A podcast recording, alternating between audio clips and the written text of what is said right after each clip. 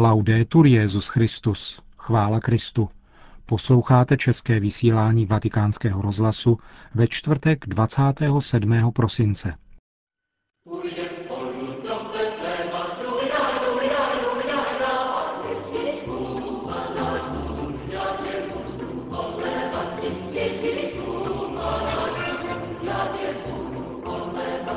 O Vánocích byly zveřejněny termíny třech italských pastoračních cest Benedikta XVI. v příštím roce. 138 muslimských představitelů přijalo pozvání Benedikta XVI. ke společnému setkání. V indickém městě Orissa došlo během Vánoc k brutálnímu napadení tamnějších křesťanů. A druhá část rozhovoru s plukovníkem České armády monsignorem Tomášem Holubem.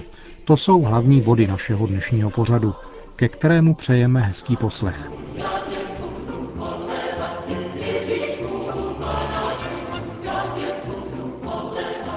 Zprávy vatikánského rozhlasu Vatikán.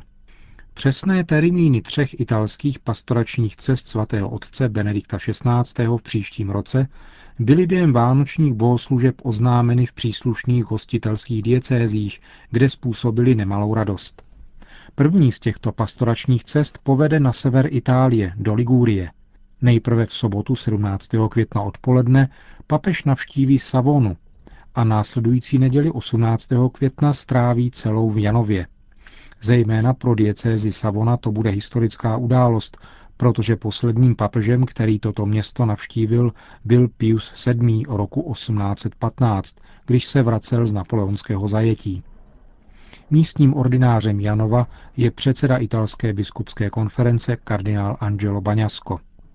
Druhá italská pastorační cesta Benedikta XVI. povede opačným směrem na jih do Půlie. Ve dnech 14. až 15. června příštího roku navštíví papež nejprve Brindisi a potom mariánskou svatyni Santa Maria di Leuca na nejvýchodnějším výběžku Apeninského poloostrova. Cílem třetí pastorační italské cesty Benedikta XVI. bude Sardinie.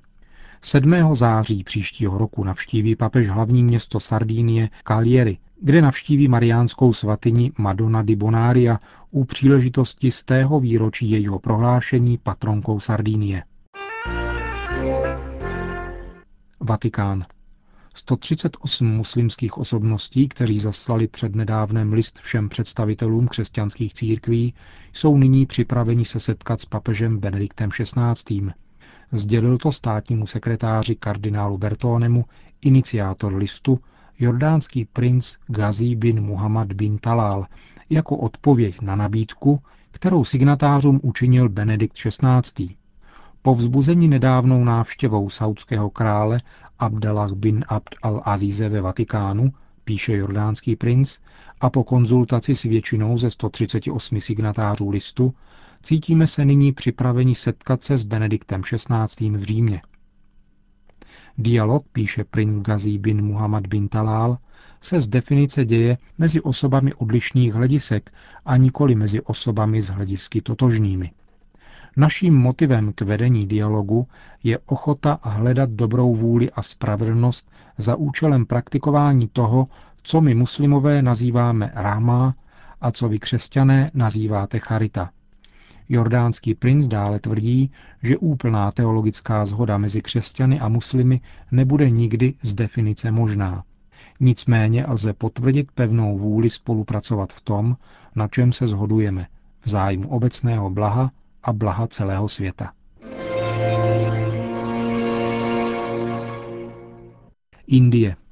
Benedikt XVI. ve své polední promluvě před modlitbou Angelus v den svátku prvomučedníka svatého Štěpána ne náhodou připomněl, že i dnes přicházejí z různých částí světa zprávy o pronásledování lidí jen proto, že jsou učedníky Krista a hlasateli Evangelia. V indickém městě Orisa došlo k násilnostem, které rozpoutala proti tamnější křesťanské komunitě hinduistická fanatická organizace Vishwa Hindu Parishad těsně před začátkem vánočních bohoslužeb. Minimálně jeden, podle agentury Asia News až tři lidské životy a další desítky těžce zraněných způsobila horda několika stovek fanatiků, kteří vypálili 12 kostelů, 300 soukromých domů křesťanských rodin, řeholní domy a napaden byl rovněž jeden sirotčinec. Zasáhnout musela policie, střelba a srážky však stále ještě pokračují. Organizace Vyšva Hindu Parishad tímto způsobem oslavila konverzi 187 osob na hinduismus. Její aktivisté jsou právě ve zdejším kraji nejsilnější a události tohoto druhu jsou zde poměrně časté.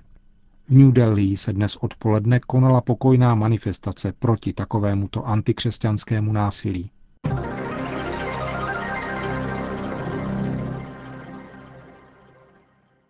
Moskva. Patriarcha Alexej II. zaslal papeži Benediktu XVI. sváteční blahopřání. Adresoval je také představitelům všech církví, které užívají v liturgii gregoriánský kalendář. Srdečné přání všeho nejlepšího v den narození páně, hojnost všech božích milostí a oporu boží ve vaší zodpovědné službě, napsal ve svém listu Benediktovi XVI. moskevský patriarcha. Představitelům ostatních církví Alexij II. připomněl, že v tyto sváteční dny křesťané následují doporučení svatého Jana Zlatoustého, vyzývajícího k radosti ze zjevené lásky a požehnání Boha v tajemství vtělení. K blahopřání patriarchy Alexie všem církvím se připojil také metropolita Kiril Gundjájev, představený odboru zahraničních kontaktů moskevského patriarchátu. Konec zpráv.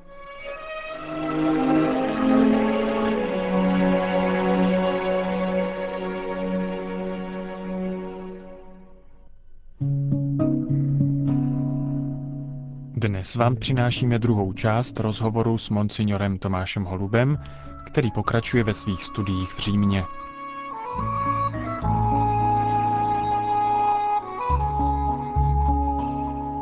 Asi se nám nepodaří opustit válku jako téma, ale zkusme se přesunout do současnosti. Proč jsi v Římě, už si říkal. Co to znamená prakticky? Co studuješ? Na čem pracuješ? Tak já jsem letos v červnu ukončil svá licenciátní studia na Teologické fakultě v Praze a tématem licenciátní práce byly eh, odpovědi na 11. září z pohledu křesťanské etiky.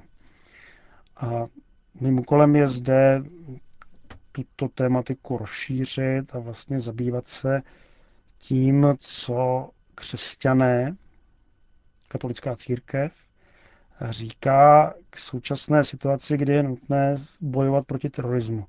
Co jsou vlastně ty věci, které odpovídají křesťanskému učení a které mohou být eh, cestou, jak s tímto velkým ohrožením, které dnešní civilizaci sužuje, si nějak vypořádat. Když to řeknu velmi lapidárně, eh, ta moje dnešní studia jsou spojena s otázkami, podle jakých kritérií. My křesťané říkáme, že například válka v Afganistánu je možná dobrá a válka v Iráku je určitě špatná. Co jsou ta kritéria, podle kterých tuto větu můžeme zodpovědně říci? Zkusme ještě jednu takovou lapidární otázku. V čem by vlastně byl ten konflikt nebo mezi tím být křesťanem a mezi tím být ve válce nebo válčit. Proč by křesťan měl nebo neměl se účastnit války a co se v tomhle případě rozumí pod pojmem války? Tak eh, otázka toho, nakolik křesťané vlastně mohou vstupovat do ozbrojeného konfliktu, když to řekneme jednoduše, nakolik mohou vzít do ruky zbraň eh, v boji proti nějakému jinému státu, je otázka, která je stejně stará jako křesťanství samotné. A na začátku že historie křesťanství stojí blahoslavenství, která mluví o tvůrcích pokoje, jako o těch, kteří jsou blahoslavení. A proto samozřejmě odpověď na tuto otázku vůbec není pro křesťany jednoduchá. E, máme v Evangeliu místa, která mluví o ochotě křesťana nastavit druhou tvář. E, nicméně myslím, že nejvýstižněji to, že i křesťan musí být ochoten bránit hodnoty, které jsou pro ně důležité, vyjádřil eh, svatý Augustin, který řekl, ano, my máme právo, dokonce někdy povinnost nastavit svoji tvář, ale nikdy nemáme právo nastavit tvář toho, za kterého jsme zodpovědní. Toho musíme bránit. A z tohohle pohledu ti, kteří mají zodpovědnost za společnost, musí bohužel v dnešní společnosti někdy na obranu těch, kteří jsou jim svěření, sáhnout také k použití síly. To je základní drama, ve kterém se dnešní svět nachází a je to také věc, která mluví o tom, kdy křesťan má právo, možná dokonce i povinnost, eh, bránit ty, kteří jsou mu svěření silou. A když to aplikujeme na eh, současnou situaci ve světě a to, čemu se říká boj s terorismem, nebo možná reakce na terorismus, lze to aplikovat tak, jak si to říkal? Nebo co by to znamenalo? Tahle ta otázka je samozřejmě dnes velmi diskutována a je to také tématem eh, mého studia zde v Římě. Já osobně jsem přesvědčen, že není možné, jestliže se přemýšlí o použití skutečně válečné síly, mluvit o válce proti terorismu. Eh, je potřeba mluvit o válce zcela konkrétní, jako je válka v Afganistánu, v Iráku. V čem se liší válka a terorismus?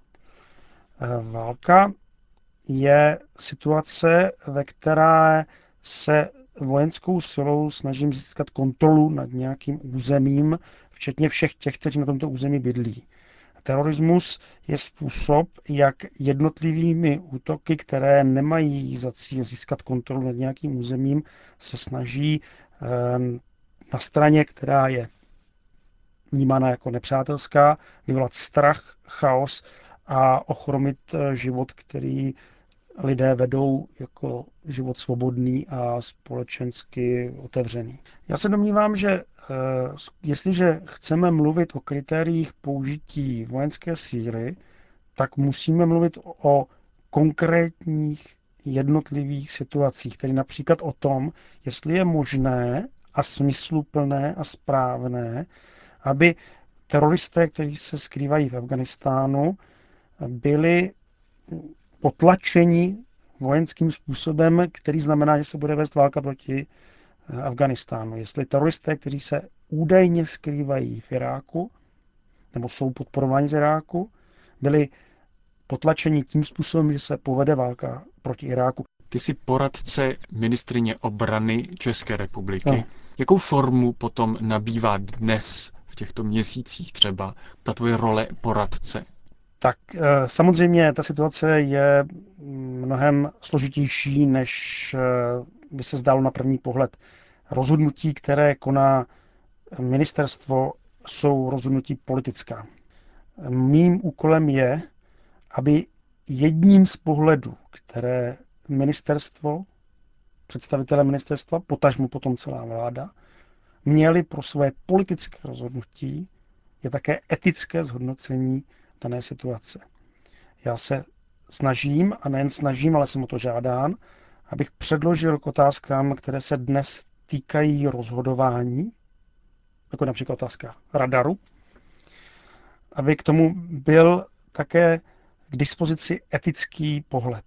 Pohled, který přemýšlí ne o politických výhodách či nevýhodách, ale o tom, jestli ta věc je dobrá nebo špatná, to je moje role, ale je to role samozřejmě poradce, to znamená člověka, který nabídne svůj pohled, aby ten, kdo má právo i povinnost rozhodovat, měl dostatek informací, aby se mohl rozhodnout správně.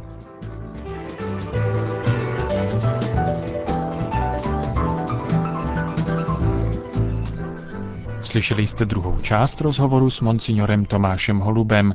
Za rozhovor děkuje Petr Vacík.